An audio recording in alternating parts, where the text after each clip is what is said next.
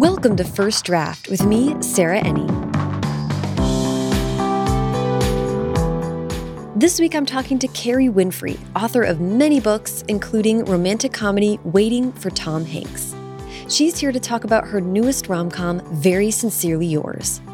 I so loved what Carrie had to say about leaning into your natural voice, how Adam Lambert kept her going through a quarter life crisis, and her four step plan to get published, among many other goal setting systems that Kerry has put in place to help her kind of keep her sanity as she navigates her way to seeing her work on the shelves. There's a lot of great kind of practical tips in there. If you're enjoying the show and you'd like to support First Draft, a quick and easy way to do that is by subscribing to the podcast wherever you're listening right now, and by leaving a rating or review on Apple Podcasts. Ratings are wonderful. I'll take those all day. But if you leave a review, I will read it in the uh, credits of one of the upcoming episodes. So definitely take a couple minutes to go do that. You can also go to the website, firstdraftpod.com, to check out the show notes for this episode and every episode, which has the links to everything that the guest and I talk about. First Draft is an affiliate of bookshop.org, so when you buy books through the links on the website, it helps to support the show and independent bookstores at no additional cost to you. You can also go to the website to sign up for the First Draft newsletter to make sure you never miss an episode and to hear about news and upcoming events. It's only monthly because that's all I can manage, so I promise not to spam your inbox. I'm also so excited that First Draft merch is now available on the website. Go to firstdraftpod.com and click shop to see t shirts, sweatshirts, stickers, water bottles, mugs, notebooks, all great stuff. And every purchase goes to help keep this show independent and free. Okay, now, please sit back, relax, and enjoy my conversation with Kerry Winfrey.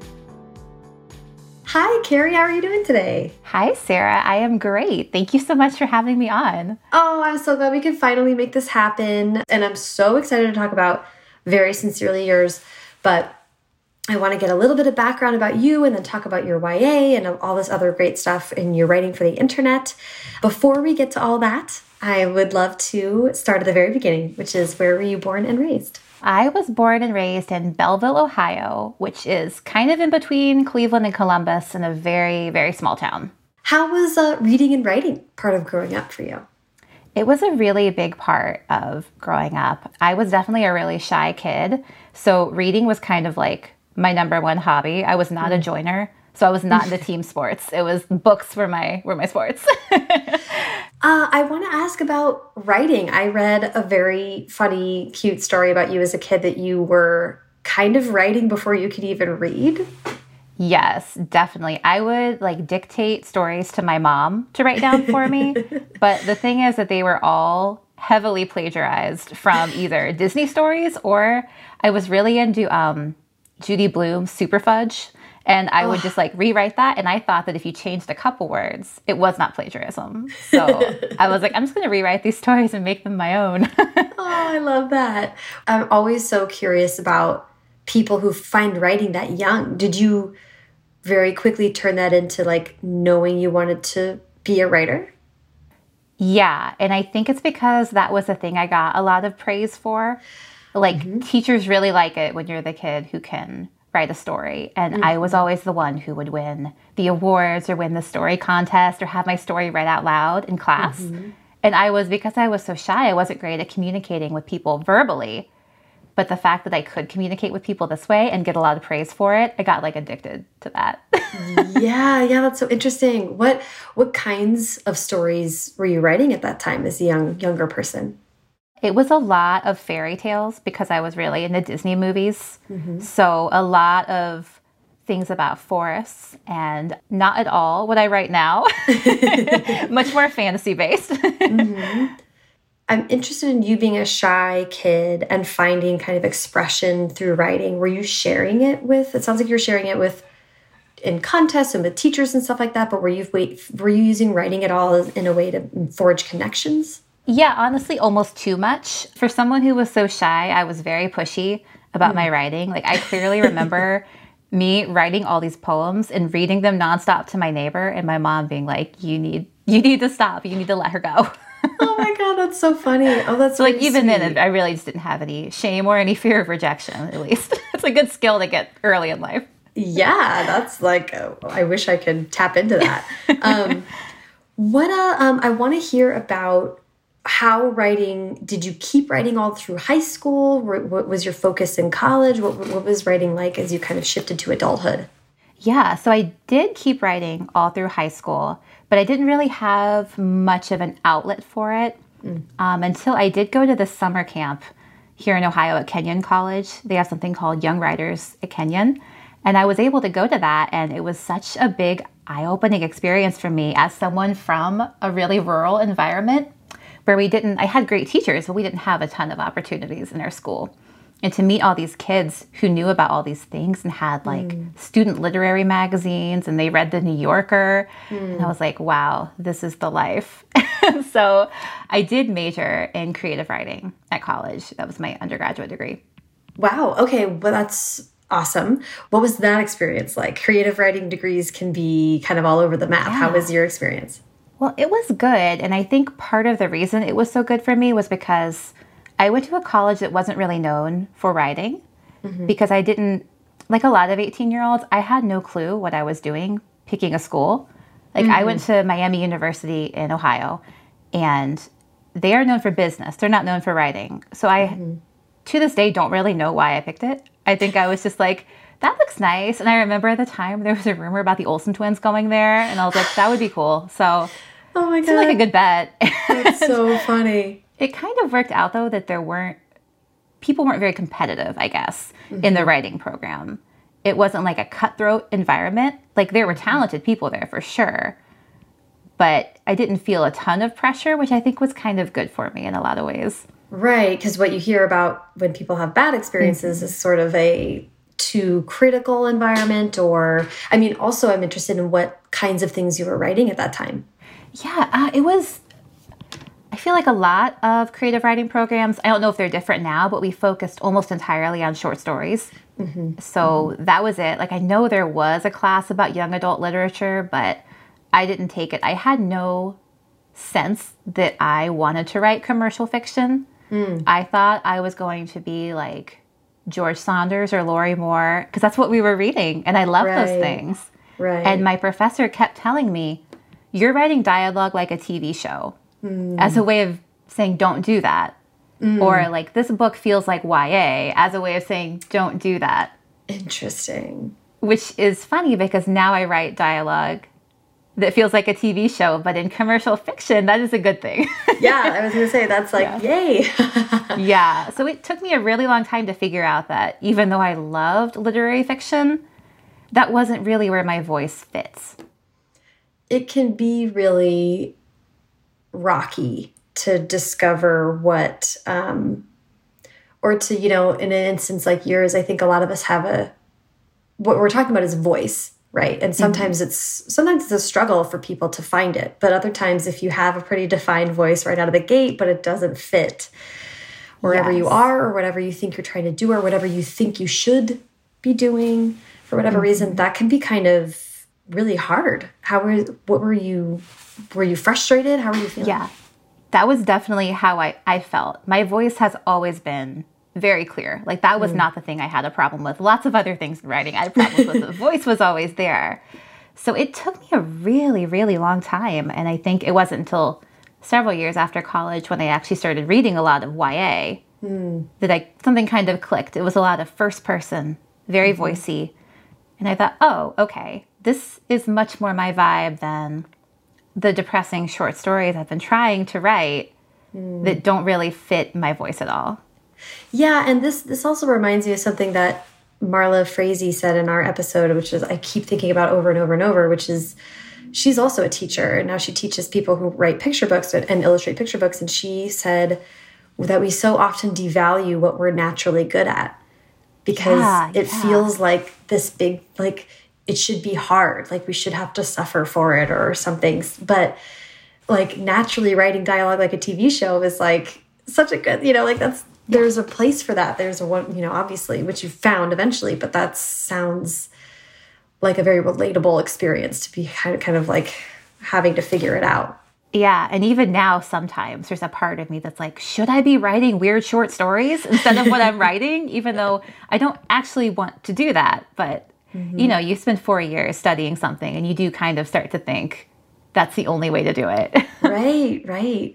Oh, that's so interesting. So, what you thought you were going to be a George Saunders esque short yeah. story writer, which a lot of us, you know, oh my God, I mean, the dream, you know? Mm -hmm. Yeah. Who doesn't want to be like George Saunders? But what was your experience like leaving school, or how did you think about what you wanted to do? And um, were you serious about writing books, all that stuff? It took me a lot of years to figure out what I wanted to do. I mean, relatively speaking, I'm only mm. 35 now, so it wasn't like that long, but it felt like a long time at the time. Mm. I moved back home because I didn't have any sort of a job. I graduated in 2008, right when the recession was starting. Ah, yes. You and I so are exactly the same age, by the way. Yeah. we were like, welcome to the real world. It's horrible.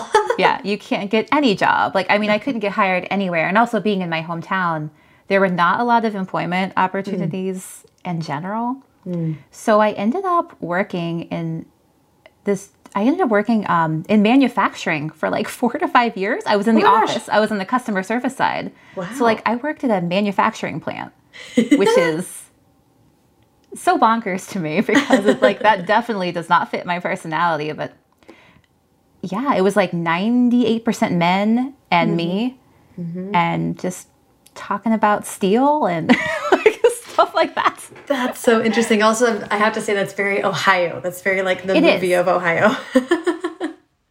so, what was your what was your creative life like during that time? It was, I would say, bad. I, I did not. I, yeah, I could not figure out how to make a career out of writing. Like, I didn't know anyone who had done that. Mm. I didn't have like a blueprint for that so it was like in my in my town no one's no one's writing novels there mm-hmm. most people don't have creative jobs some people do go to college for creative things but not a ton of them mm-hmm. so i didn't really know what to do and i spent a lot of time avoiding it and getting mm-hmm. more and more miserable mm.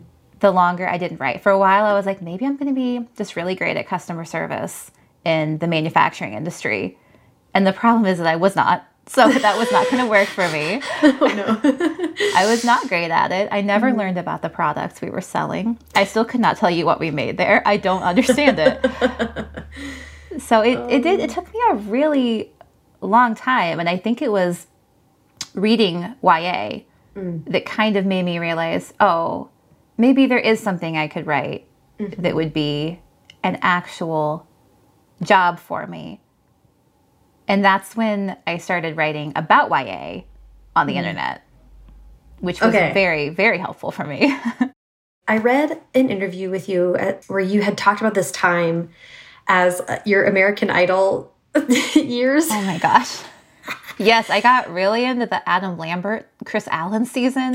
I would just, like, I had this tiny apartment in my hometown.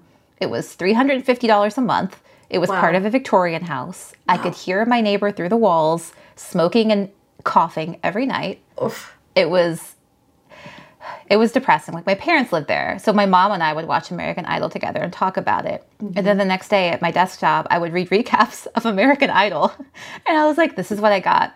This is what's keeping me going. It's Adam Lambert." right, right. And I mean, I, I I bring this up because in that interview, had talked about this time as like you were sort of really like lost, like not mm -hmm. sure how to move forward or what and, and this relates to very sincerely yours in a way which is part of why I'm, I'm thinking about it but that's also really relatable you know like your quarter life crisis which we're all we all come due for mm -hmm. but but that's very moving so i mean i would like to hear about what it was like to have books come back into your life in, in any way or or writing the idea of, of writing coming back kind of rediscovering books and writing I don't 100% know what set me off, although I think someone in my family, one of my grandparents had died recently. Mm. And you know how sometimes that does make you take stock of what you're doing with your life? It makes you realize that you don't have forever. And I knew I did not want to work at that job forever. Mm-hmm. So I started reading a lot of books and I had this this is like so nerdy, but I'm very goal oriented. I had a four step plan for how I was going to get into writing. And the first step was start a blog, which I did. And I would post the first, not just once a day, but twice a day. Wow, and I wow. don't know what I was writing about. And my second step was get published somewhere locally. Mm-hmm. So I started writing for a local newspaper. And my third step was get published nationally, which when Hello Giggle started, right away I emailed them and was like, Can I write a column about young adult books? And they said yes. So I was That's like, incredible. wow, three steps down right away. Wow. And the fourth step was publish a book, which is like kind of a harder step than the rest of them. it's a bit of a leap. It's kind of exponentially yeah. difficult, those steps. um, I read somewhere where you were talking about this four step book, uh, this four step process, and I love it so much. I just think that's such a like, it's like sweet, but also incredibly useful. I love talking to people like, about this kind of stuff where like practically you were like, I have this big goal. How can I break it down into manageable chunks? And that held you accountable. I mean, that's like emailing HelloGiggles is like, that's intimidate an intimidating email to write. Yeah, it was. But I don't know if it's just I felt really desperate, but I was not concerned at all about rejection. Like that did not set me back at all. I had like a little spreadsheet of all the different places I was submitting and you know who accepted me and who rejected me and I just thought it was very motivating. Mm. And I don't know why because I'm afraid of most things. But for some reason the rejection involved in writing has never scared me all that much. What I'd love to hear about your time reviewing books for HelloGiggles. What was the um, you know you had a column for young adult books, but how did you think about the parameters of that, and how did you develop that? I, lo I love this stuff. At first, I kind of just wrote about whatever I wanted. Like when they started their site, it was kind of like no rules, Wild mm -hmm. West. You could just write whatever. And I don't even think it got edited at all. So I really could just write in my voice these long rambling columns about whatever YA book I wanted, mm -hmm. things that had not come out recently, like things from years ago. There was no real theme. I just picked whatever I wanted, but I was doing it once a week, which is a lot. Mm -hmm. Writing, reading a whole book and then trying to write a whole column every week mm -hmm. was kind of a lot of work. And now I'm thinking, how did I do that? Because I had a job too, but it was really fun. And also, I think it was like the best education I could have gotten in writing was by forcing myself not only to read so much, but then to think about it mm. and write down exactly what I liked about every book. Mm -hmm. It was really helpful.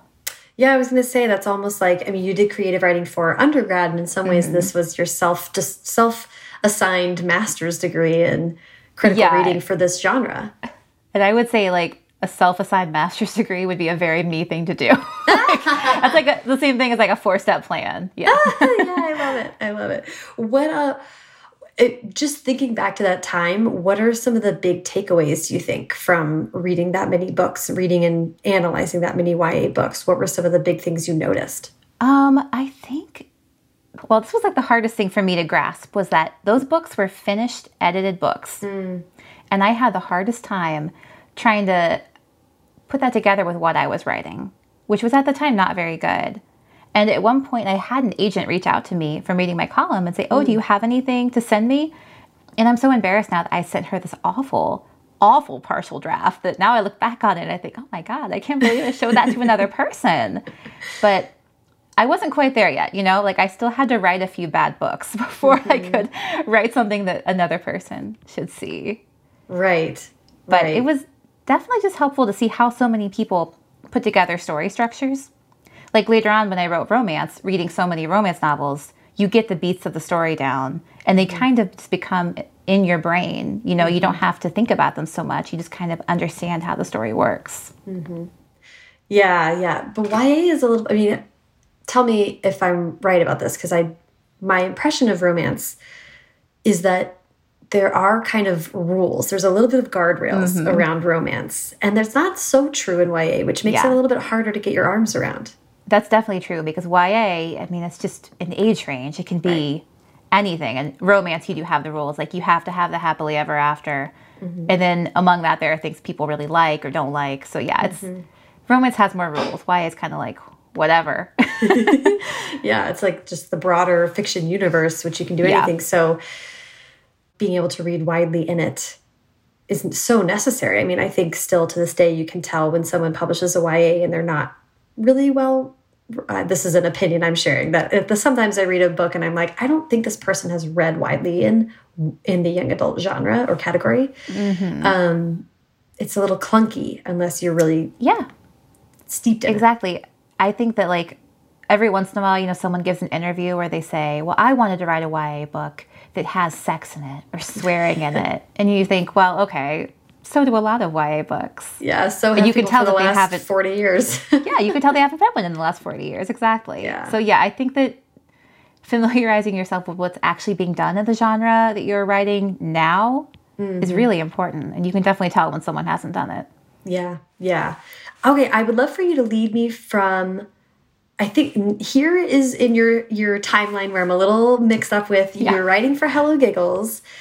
You are writing Love and Other Alien Experiences, which becomes your debut book, and you're doing a year of romantic comedies, I think, at the same time. Yeah, yeah that, that right? at the same time. Yes, yeah.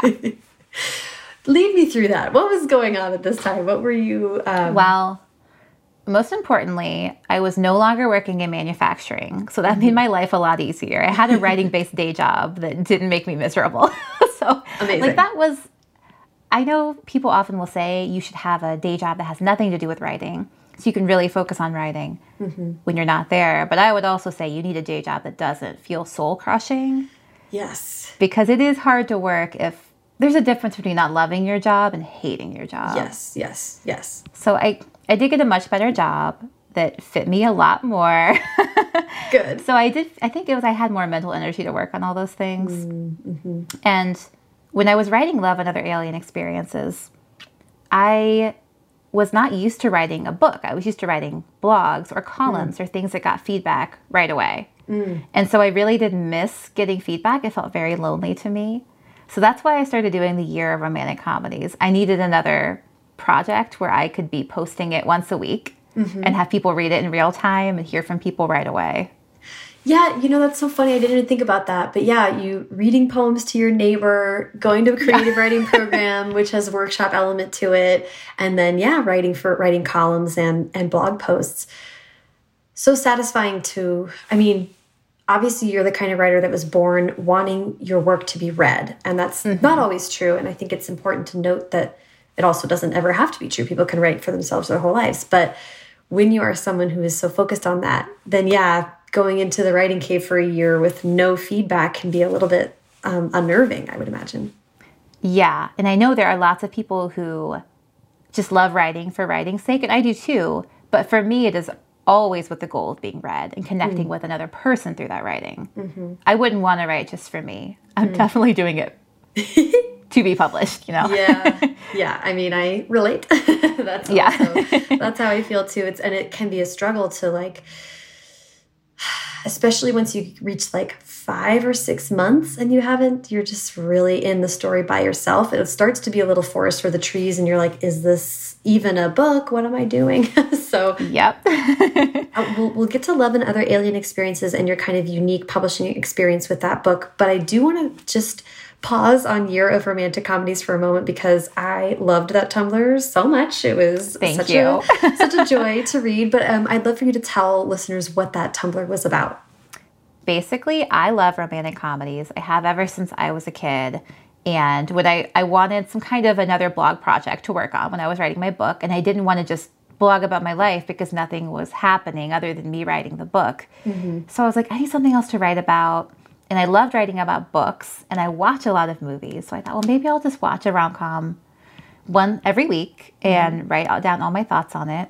And people love rom coms, so it sounds fun. And I have always wanted to write a rom com, so I also thought, just like how I learned about YA by reading so many books, mm-hmm. maybe I could learn more about romantic comedies by watching a ton of them. And I definitely did. yeah, yeah. I, I it's uh, once again I have such a big place in my heart for people who give themselves homework. I am one of these people. So I love that you're like, I'm going to give myself a, a, MFA in screenwriting for specifically for romantic comedies. Um, mm -hmm. The the blog is so it's it was really a learning experience even to read it because you tasked yourself with watching I mean, 52 rom-coms, you're going to get some stinkers in there. Oh, yeah. or some ones oh, yeah. have very mixed results. So, um, reading kind of your analysis about why things worked and why they didn't and what made something romantic versus kind of saccharine like i loved mm -hmm. that mm-hmm. stuff i'd love for you, for you to just talk about some of the biggest things that you took away from that experience I would say the main thing I took away from it was kind of like what we were talking about with YA, how you can tell when someone hasn't read the genre. Mm. is you can really tell when someone doesn't actually have a lot of respect or love for romantic comedies because they don't understand that you can't just go by the beats and have all like the grand gestures and the meet cutes. Like that's not really enough. Mm. You also need to have chemistry and you need to have a love of the story mm-hmm. to make it work. And you can always tell the movies where someone really cares what they're doing and the movies where someone doesn't. Mm. Yeah. Uh, and I mean, I, I just reread the review of um, You've Got Mail, which I think you said yeah. was your favorite, and talking about what makes Nora Ephron's rom coms just stand above the rest. You mean just do you mind just sharing mm -hmm. that with our listeners because I thought it was such a good point. Yeah, well, I always say that a good romantic comedy needs to have some sadness in it. Like they cannot just be light. Her movies are so funny and they have such great dialogue that we all still quote today. But mm -hmm. I think mm-hmm. the main reason why they stick around and why people find them so meaningful is the really deep sadness in all of them. Like in Sleepless in Seattle, Tom Hanks's wife died and You've Got Mail, I mean, he puts her out of business and she's mm-hmm. so sad about the death of her mother. And none of those things, like those aren't things that can be fixed by the end of the movie. And falling in love doesn't fix those things, but mm-hmm. it does make them more bearable. And it kind of reminded me, I'm just listening to your um, episode with John Green right now, where he talks about hope mm. and how hope with all lightness in it doesn't mean anything to him. And that's exactly how I feel about romantic comedies, too. Yeah, that's I um I loved how he talked about that in his essay about Harvey, which is not a rom com, but uh, was a movie that meant a lot to him, and he said that it gave him a sense of hope that wasn't bullshit. And I do, I relate to that so much, and that's what you're saying. These stories mm -hmm. are mm-hmm. textured and difficult and complicated, and that's what makes them feel real. It's funny to, to talk about realism with rom coms because there's an element of wish fulfillment in romance stories, but I think that's only a surface level understanding of what's happening. You want to be compelled by something, and human beings are compelling when they're uncomfortable and flustered and trying to deal with stuff like we all are, you know? Yeah, and romantic comedies are never just about falling in love. You know, it's always the characters' dreams and their passions and their hopes along with those things. And hopefully mm-hmm. by the end, they get some sort of resolution with all of those storylines together. Mm-hmm. Yeah, I love that. And it was such a, I think you and I specifically talked about, I remember at least our exchange talking about Keegan Michael Key in Playing House being such a wonderful example of like a, a, a leading man who works because he is just so clearly enamored with the person that he's yes really i do feel like that's the best quality uh, rom com dude can have is like you need to be obsessed with the lead. yeah. Yes. I don't like a like a guy who's like a bad boy. I'm not interested in that. yeah. Yeah. There's exactly no. It's um for anyone that hasn't watched Playing House, I'm gonna link to that in the show notes because it's yeah. a great example. if you're if you're writing romantic comedies, it's a good one. So I love that you kind of give yourself this thing to come to. It's also nice that you gave yourself something to write every week that is nonfiction. It's a it's a really different medium. It's a break from writing mm -hmm. your mm-hmm. first novel. But how was the writing of Love and Other Alien Experiences going? And, and I'd love for you to lead me through how that book actually got to be out in the world. Mm -hmm. Yeah, it's kind of a weird story because I mean it was published twice through two different publishers, so there's a lot going on. It was published through, I guess they're a book packager. At the time, they were called Paper Lantern Lit, mm -hmm. but they were doing this new program for ebooks only, where like you would work with them on a book idea you already had. So I had this book I was working on, but it wasn't really working. Hmm. And it was all about someone who gets nominated to homecoming court as a joke. Hmm. And because it actually happened at my high school, which is like such a teen movie story. Oh my gosh, to you? Like a nightmare. Or... No, not to me. No. Okay. Oh my gosh, but to somebody in another class. Oof. So it always stuck in my head as like, like this sounds like a movie, not like something that would happen in real life. Mm-hmm. So I had this book I was working on about that. And they had an open call for submissions. And I was like very determined that I thought this was the best thing for me. It was like another step in my plan. Mm. So I was like, this will be great. I'll get some help in writing my first, well, it wasn't really my first book because I did have others, but you know, I'll get some help in writing this. And maybe that will help me actually finish a full draft mm-hmm. for once. And luckily, everyone that I worked with, I worked with an editor named Angela Velez, who now has her own book coming out soon. Yay. And I, then I worked with an editor named Alexa, and she was great too. And now she's an editor somewhere else. And they were both really, really wonderful. And it was a, actually a great editing experience for me because they were very hands on. Mm. Like I was writing the book with a contract already, mm-hmm. which is not usually how you write your first book. Mm-hmm. So I had deadlines all the way through. Which so is, it was, for you, is very helpful, yeah? Yes, yeah. My, my hardest thing is always like, if I don't have a structure, I'm in a bad place. That's hard mm-hmm. for me. Mm-hmm. Mm-hmm. So that was really great for me. That's great. And what kind of, um, it is unique, as you say, to, mm-hmm. um, did you present them with half a book or a few chapters, or what did you actually show them to begin yeah. with? I think it was probably about half a book and an outline. Okay. Yeah. And then we worked on a new outline together mm -hmm. that was, uh, frankly, a lot better than what I had. Sometimes it really is, I feel like growth doesn't happen steadily all the time. Sometimes it's like you shed the skin. It's like the snake cycle. And those shedding of skin is like one big moment. And then you sort of level up, I think. So when I was thinking about your experience of having help come in on this book, that's what I was thinking of was like, oh, someone come in even on the outline stage and you're sort of piecing it together and learning and leveling up. Yes, and it was. I mean, this is another experience. It was kind of like an MFA because, like, every chapter, I wouldn't just turn in the whole book. I would turn it in like chapter by chapter and get their notes on it as I worked on each chapter. So it felt more like how I've heard like writing for TV or something works. Like I had other people giving me mm -hmm. notes constantly. Mm -hmm. And it was really nice. I really enjoyed it. Yeah, well, that's that's it was more like a blog, right? Or like a Yep, exactly. um, that's so great. So, what did it mean? Um, actually, I'm asking specific questions about this book, but we haven't. Um, do you mind pitching that book for us, just really quick, so listeners know? Yeah, sure. It's been a long time since I pitched it, so forgive me if I'm a little bit rusty.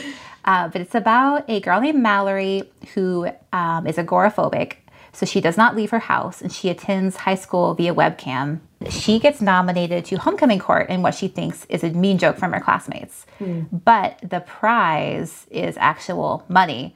So she decides to try to win to kind of show them that she can do it and also to get the prize money. And she ends up working with this very popular, like lovably dim guy from school to do it. And the book is really about her coming out of her shell and, and like dealing with her trauma, mm, but in a mm-hmm. fun way. so you were working with Paper Lantern Lit. It was going to be released as an ebook. What was the next step? Because it did, as you say, have a, another life as a hardcover hardcover book as well. Yeah, well, I was very lucky that I just got an email from my editor at Feiwel and Friends, well, the woman who became my editor from Feiwel and Friends, mm-hmm. saying that she was interested in the book. She really liked it, and she wondered what we were doing about print rights. And I said, nothing, I guess. And then I sent her on to the people at Paper Lantern, and I ended up getting a two book print deal through Feiwel and Friends, which was pretty amazing. Yeah, that's so, that's, um, and this, I think, because um, this is an interesting sort of like behind the scenes moment, I think, for mm. listeners. But like when you had ebook only, that did mean that the rights for this book could still be exploited in other formats, including mm. hardcover, paperback, mass market, etc., etc. Yep. So that's what your Feiwel and Friends editor was seeing an opportunity to do. A book mm. that she mm. already liked, you can just bring it on and a lot of the work's been been done. Did you do any editing yeah. with her at all, or was it just? For we did a little bit. There were some small things that changed, but not much at all. No, because the editing before with my other editor had been so intense mm-hmm. that honestly, I mean, it was in pretty good shape already. There wasn't that much that she wanted to change. Interesting. And then how did uh, things Jolie needs to do before she bites it come about, given that you had kind of. Um, were you still working with Paper Lantern Lit as well as Feiwel and Friends? Nope. At that point, I was totally on my own. So it really felt like I got the training wheels off. Mm -hmm. Like, then I really had to write a book in isolation right. all by myself. And also, in between then, I'd had a baby. So when I was writing Jolie, I had, I think I wrote it when he was like three months old. Wow. So it was an intense experience. I can only imagine. That is definitely like writing in in snips of time, yeah.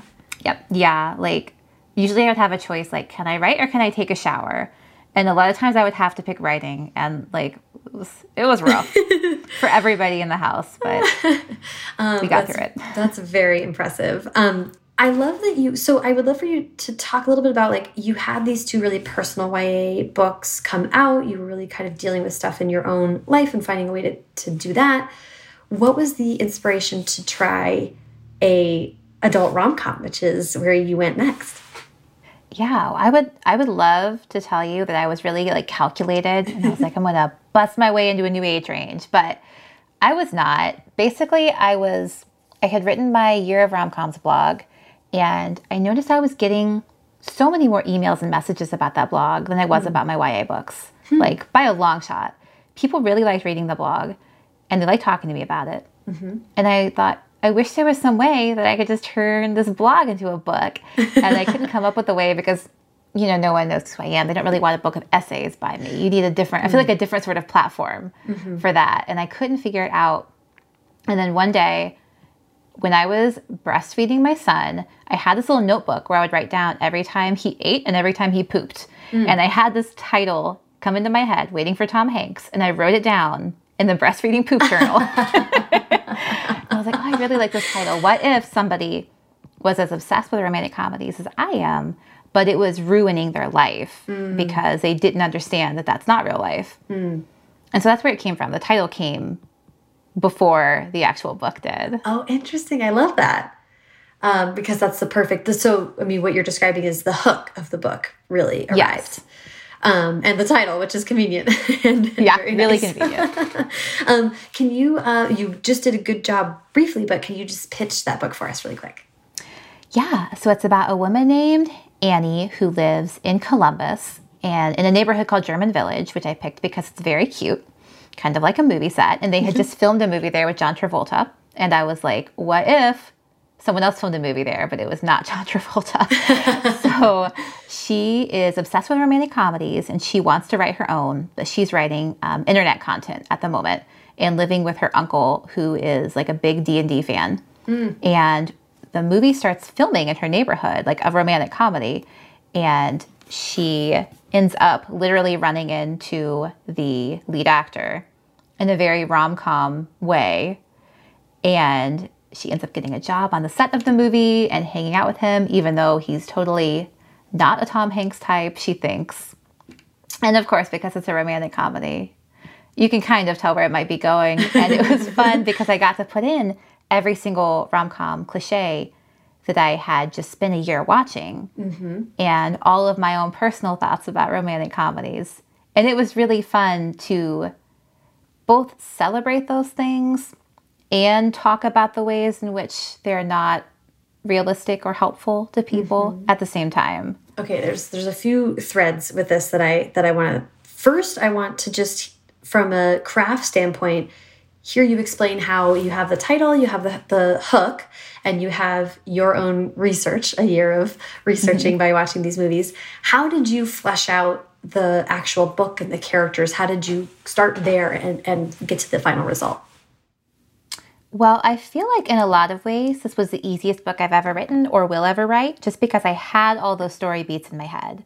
Like, I knew that I wanted this to be a romantic comedy about romantic comedies, so it needed to follow all of the beats, but in kind of a self aware way. Mm-hmm. So, the plot, like, once I realized she was going to be working on a movie set, falling in love with a movie star, I it's not that I wanted it to be cliche, but I wanted it to be that story that you're familiar with. Mm-hmm. Someone finds himself in that story but doesn't realize it or doesn't want to be, and giving me a way to talk about that. So basically, I just thought like what character would be best in this situation. Every rom com has a wacky best friend mm-hmm. or like a lovable older relative. So it was fun to kind of think about everything I'd watched and what I loved about those movies and then put all those things into the book in kind of a meta way.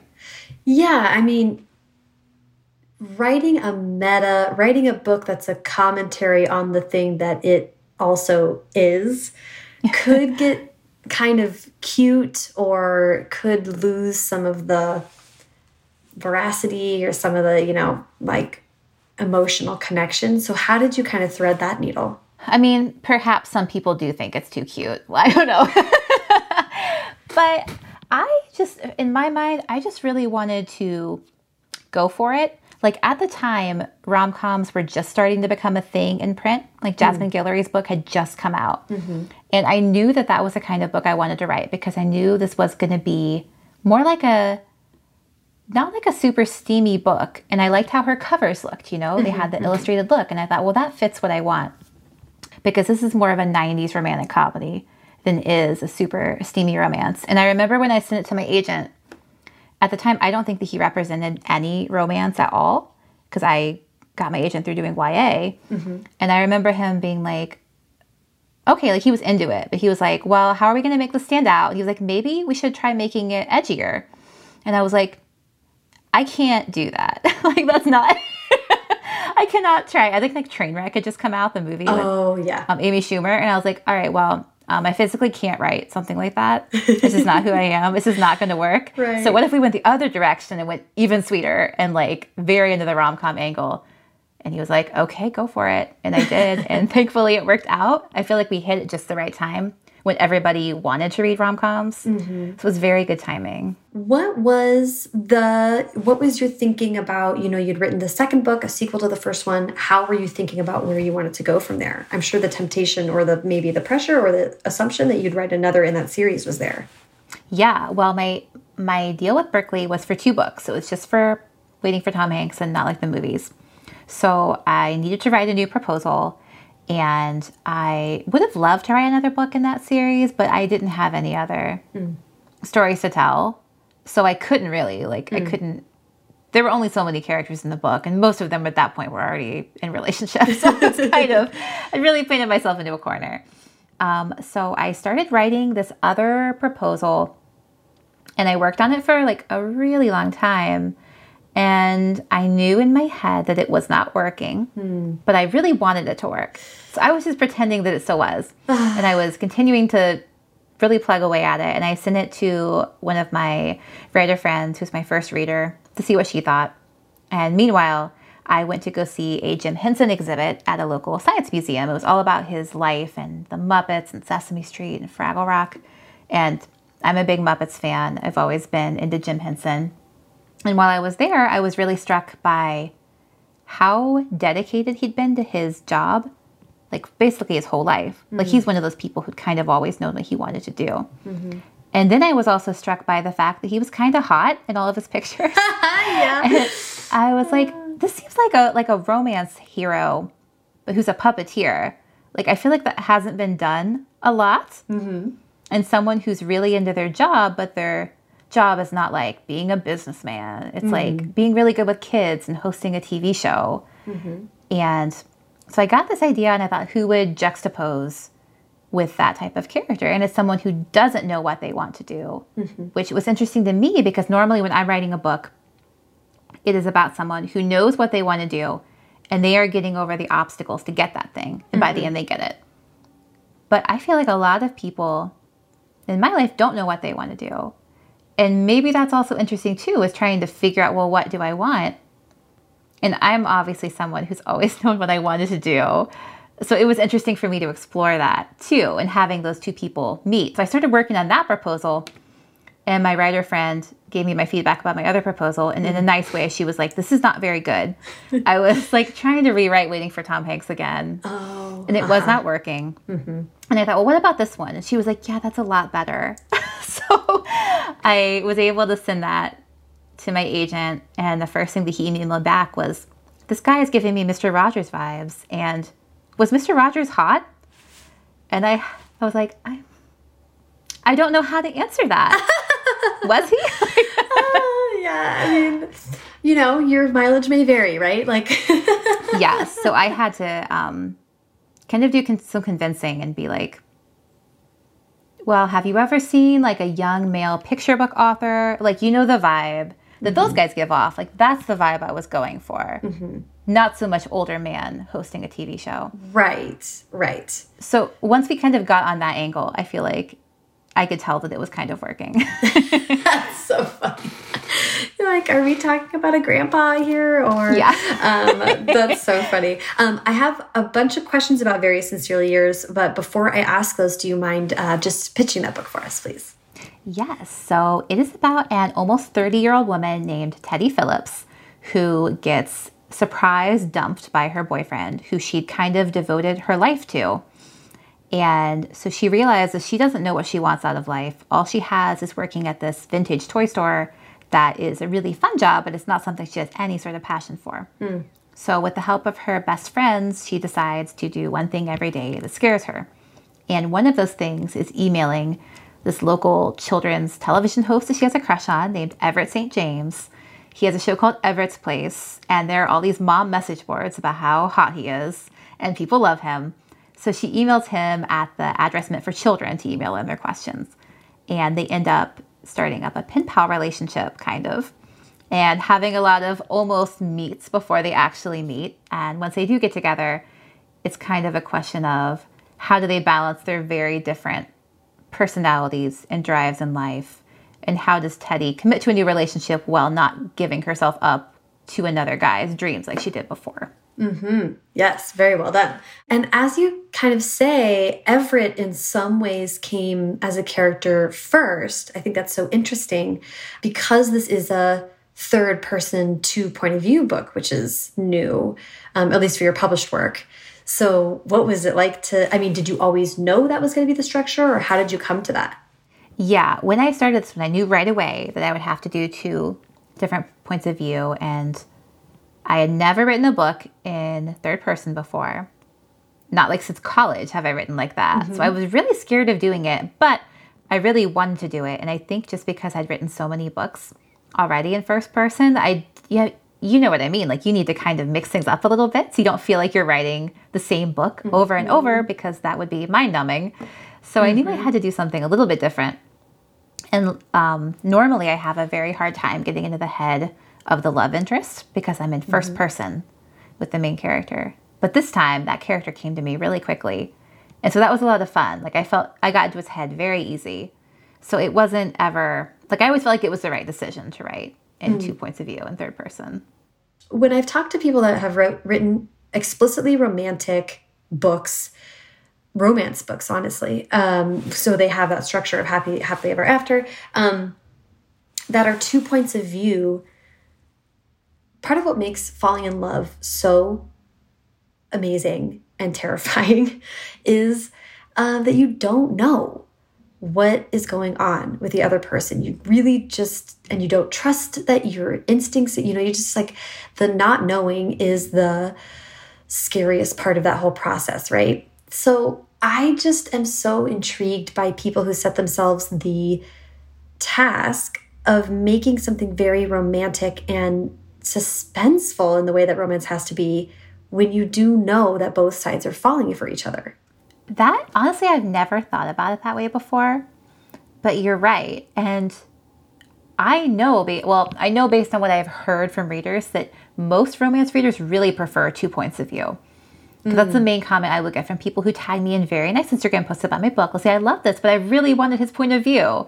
Um. Um, so, hmm. for some reason, people do really want that. I think maybe it's like you said, you need to know that this other character isn't a jerk. Like maybe that really is the main thing. Like if you're just looking at someone and they're mysterious the whole time, some books that works really well. Like a book where the structure is that the the love interest is in love with the main character the whole time, mm-hmm. then maybe that works better. Mm-hmm. But I don't know. That's tricky. It is, right? And, but that's such that's so fascinating that that's what you've heard from people and maybe maybe that whole the scariest thing about falling in love in real life is the reason because when you're reading a romance book you don't want you don't want to be scared that it's not going to work out in some ways. Yeah, no that makes total sense because yeah, the appeal of a romance novel is you know what's going to happen. It's like a safe mm -hmm. space because you know that they're going to end up together. So, mm -hmm. yeah, maybe that is it. I read uh, or on your Instagram I think you said Everett, um, Everett's advice and Teddy's connection with him ended up being inspired by all the videos from picture book authors that my son and I have watched during the pandemic. And you just said that was helpful as kind of like, no, this is the vibe that we're going for with him, yeah. not Mr. Rogers, yes. but um, these other more contemporary examples. Um, but I'd I would just love to hear about that. That sound sounded so interesting as like a pandemic inspiration. Oh my gosh, yeah. So like right at the beginning of the pandemic, a lot of children's book authors were doing like Instagram lives and stuff like that. And we watched a lot of them. We watched um, Christian Robinson, the picture book author, did like tutorials and things about feelings and stuff like that. We love mm -hmm. those. Um, Carson Ellis, who I'm obsessed with, did a lot of mm -hmm. stuff on her mm-hmm. Instagram too. But the one that we got the most into was Mac Barnett. And he did, at the beginning, it was every day, he would read one of his books. And wow. it was the, called the Mac's Book Club Show Book Club. And my son and my husband both have hats for it. We were like, we got real into it. Then it went down oh to one God. week, and now he's not doing it anymore because he had a baby and he's busy. But we got so into that, and just like having that structure in our day, just knowing, oh, well, we can look forward to Mac Barnett reading us a story, and we can all sit down and watch it and laugh at his jokes. And he's in his house too, and mm-hmm. he was clearly like trying to be comforting for these kids, but not in an overly he wasn't like saying, "Oh, it's going to be okay," but you know, mm-hmm. giving them some semblance of routine mm-hmm. and of mm-hmm. reading books. And I myself, as an adult, found that really comforting too. Mm-hmm. So I was able to kind of channel those feelings into Teddy and how would she feel being kind of unmoored in her own life and not knowing what she wants. She's not in the midst of a pandemic, but she doesn't know what's next in her life. And in a way, she's kind of approaching things like a child because she's kind mm. of starting over right at the beginning. Mm. So she's getting this advice from Everett that's meant for a five year old, but it still feels very relevant to her life. And that's how I felt when I watched like Christian Robinson talk about feelings. I was like, I have a lot of mm. feelings too right now. yeah. Oh my God. And like, as a, um, you know, Teddy in the book is like, uh, is almost 30, as you say.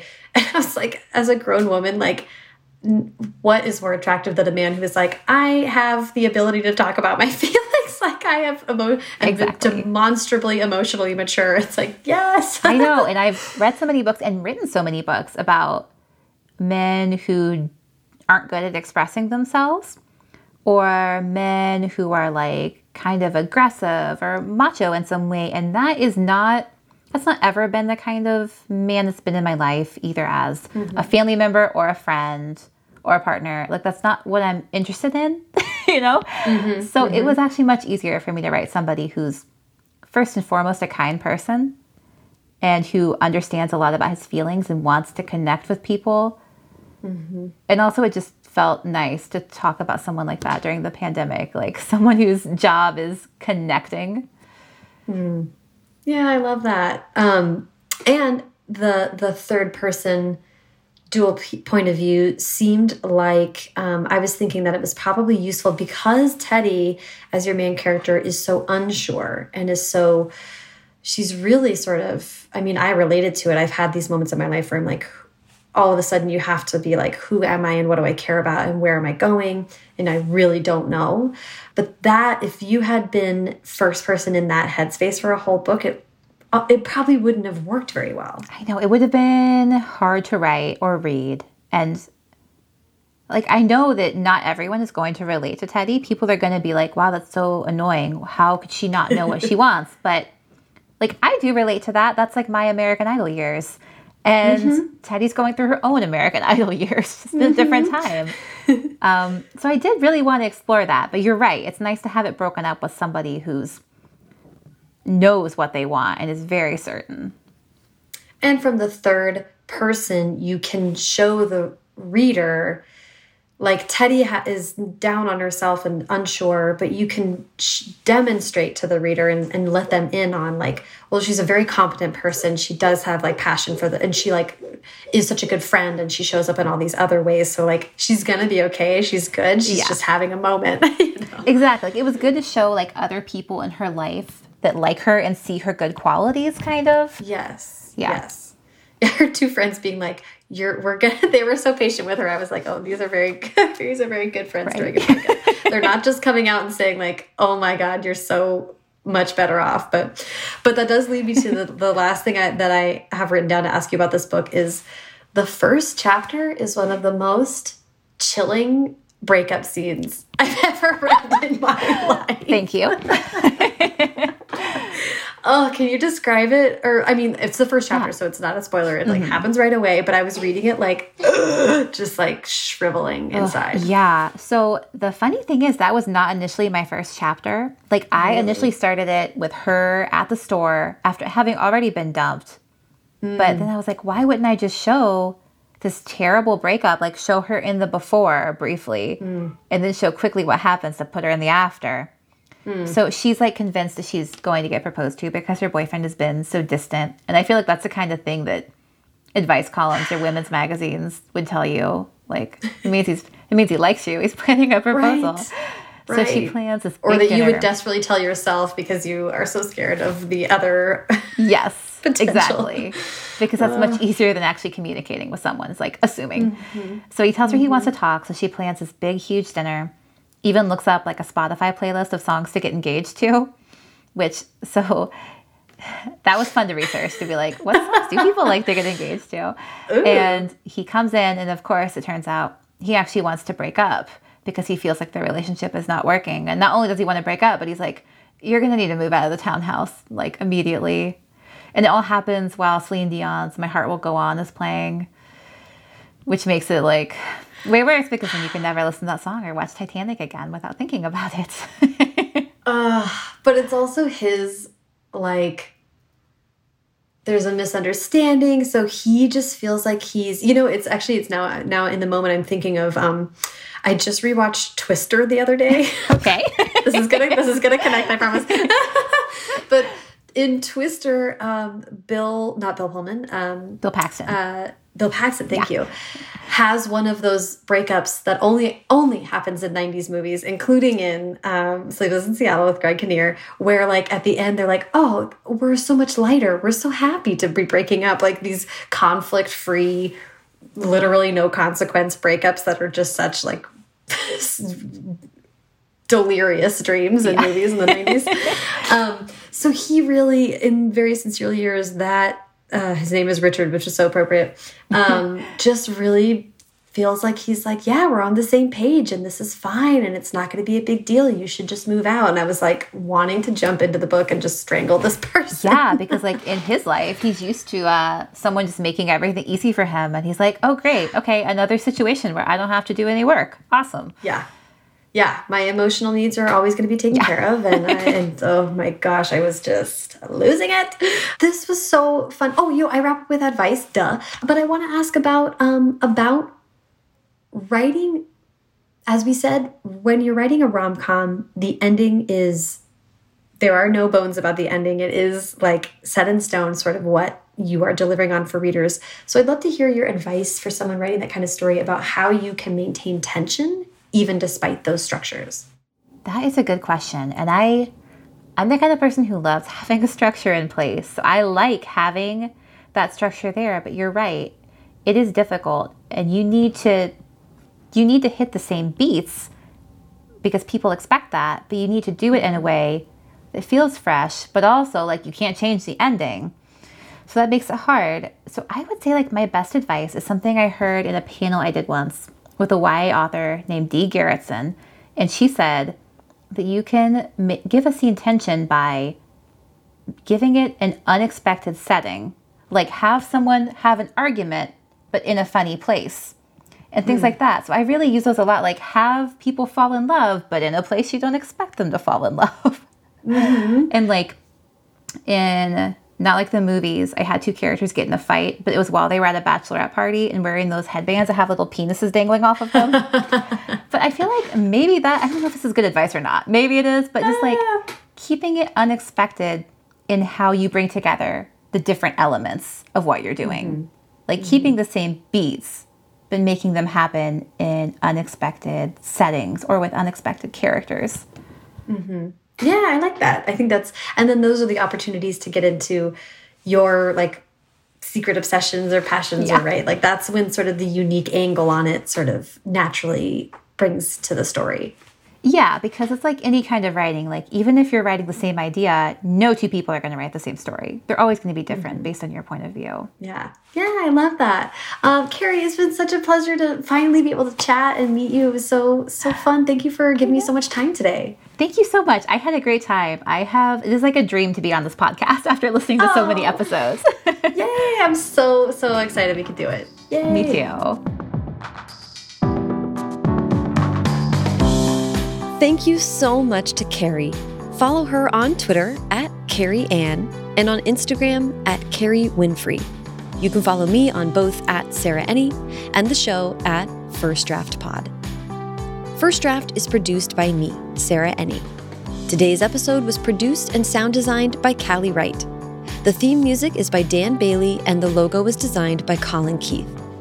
Thanks to social media director Jennifer Nkosi and transcriptionist at large Julie Anderson. And as ever, thanks to you, Keegan Michael Key, for listening.